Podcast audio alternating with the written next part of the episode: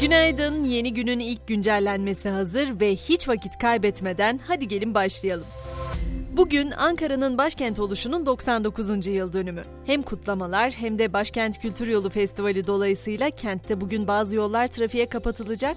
Saat 9'dan itibaren program bitimine kadar Cumhuriyet Caddesi'nin Baruthane Kavşağı ile Ulus Kavşağı arasında kalan bölümü ve Çapa Sokağı'nın tamamı çift yönlü trafiğe kapalı olacak.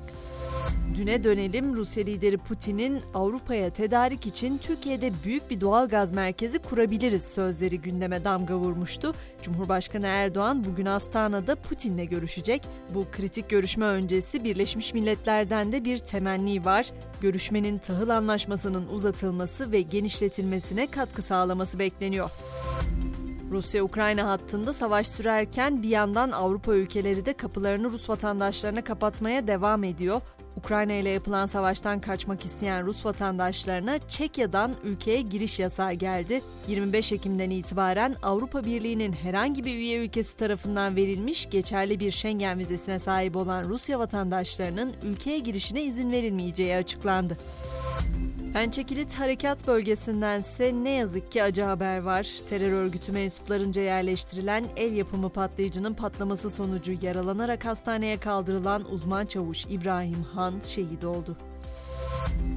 Şimdi tekrar başkente döneceğiz. Ankara Büyükşehir Belediye Meclisi'nde su ücretlerine AK Partili üyeler tarafından verilen %50 indirim teklifi alınan veto kararına rağmen yeniden kabul edilmişti. ASKİ'yi iflas ettirebileceği belirtilen o karar mahkemeye taşındı. Konuyla ilgili CHP'den de karşı bir hamle geldi. CHP, Türkiye genelinde elektrik, benzin, mazot ve doğalgaz fiyatlarının %50 indirilmesi için meclise kanun teklifi verdi. Avrupa Birliği ise Batı Balkan ülkeleri ve Türkiye için 2022 genişleme paketini ve ülke raporlarını açıkladı. Türkiye için hazırlanan 140 sayfalık raporda özellikle demokrasi, insan hakları ve hukukun üstünlüğü gibi temel konularda gerilemenin sürdüğü belirtildi. Enerji rezervlerinden sonra İngiltere'de kan rezervleri de tükenmek üzere ülkede azalan kan stoğu nedeniyle ilk kez kehribar renkte uyarı yayımlandı. Bu durumun acil olmayan operasyonların iptaline neden olabileceği belirtiliyor. Tabii yok olan sadece enerji rezervleri ya da kan rezervleri değil, küresel ısınma ve insan faaliyetleri dünyayı adım adım sona yaklaştırıyor aslında. ABD'li bilim insanlarından çevre için çok kötü sonuçları olabilecek yeni bir felaket uyarısı var. Mercan resiflerinin yarısı gelecek 13 yıl içinde yok olabilir. Araştırmacılar bu konuda uyarıyor çünkü mercan resifleri dünyadaki okyanus ve deniz ekosisteminin varoluşunda temel bir unsur.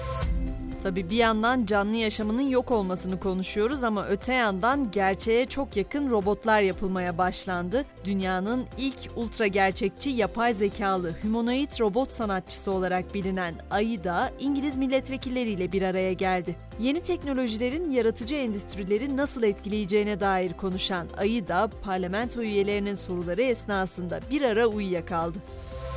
Ve New York'ta görülen Oscar ödüllü oyuncu Kevin Spacey'nin davasından da haber verelim. Spacey hakkındaki cinsel taciz iddiası ile ilgili duruşmaya katıldı. Ünlü aktörün avukatları Spacey'nin 1986 yılında 19 yaşındaki John Barrowman'la flört ettiğini, aralarında uygunsuz bir ilişki yaşanmadığını öne sürdü. Spor başlığına geçelim. Şampiyonlar Ligi'nde iki takım daha son 16'yı garantiledi. Manchester City ve Real Madrid'in ardından Napoli ve Kulüp Brugge de Devler Ligi'nde son 16 turuna yükselmeyi garantileyen takımlar oldu. UEFA Avrupa Ligi'nde ise bu akşam bizim heyecanımız sahnede olacak. B grubunda mücadele eden temsilcimiz Fenerbahçe, Ayak Larnaka'ya bu kez deplasmanda konuk olacak. Maç saat 19.45'te. Sarı lacivertliler ilk maçı Kadıköy'de 2-0 kazanmıştı. Trabzonspor ise H grubu dördüncü maçında 2-1'in rövanşında bugün Fransa temsilcisi Monaco'yu ağırlayacak. Bu maçın başlama saati de 22 olacak.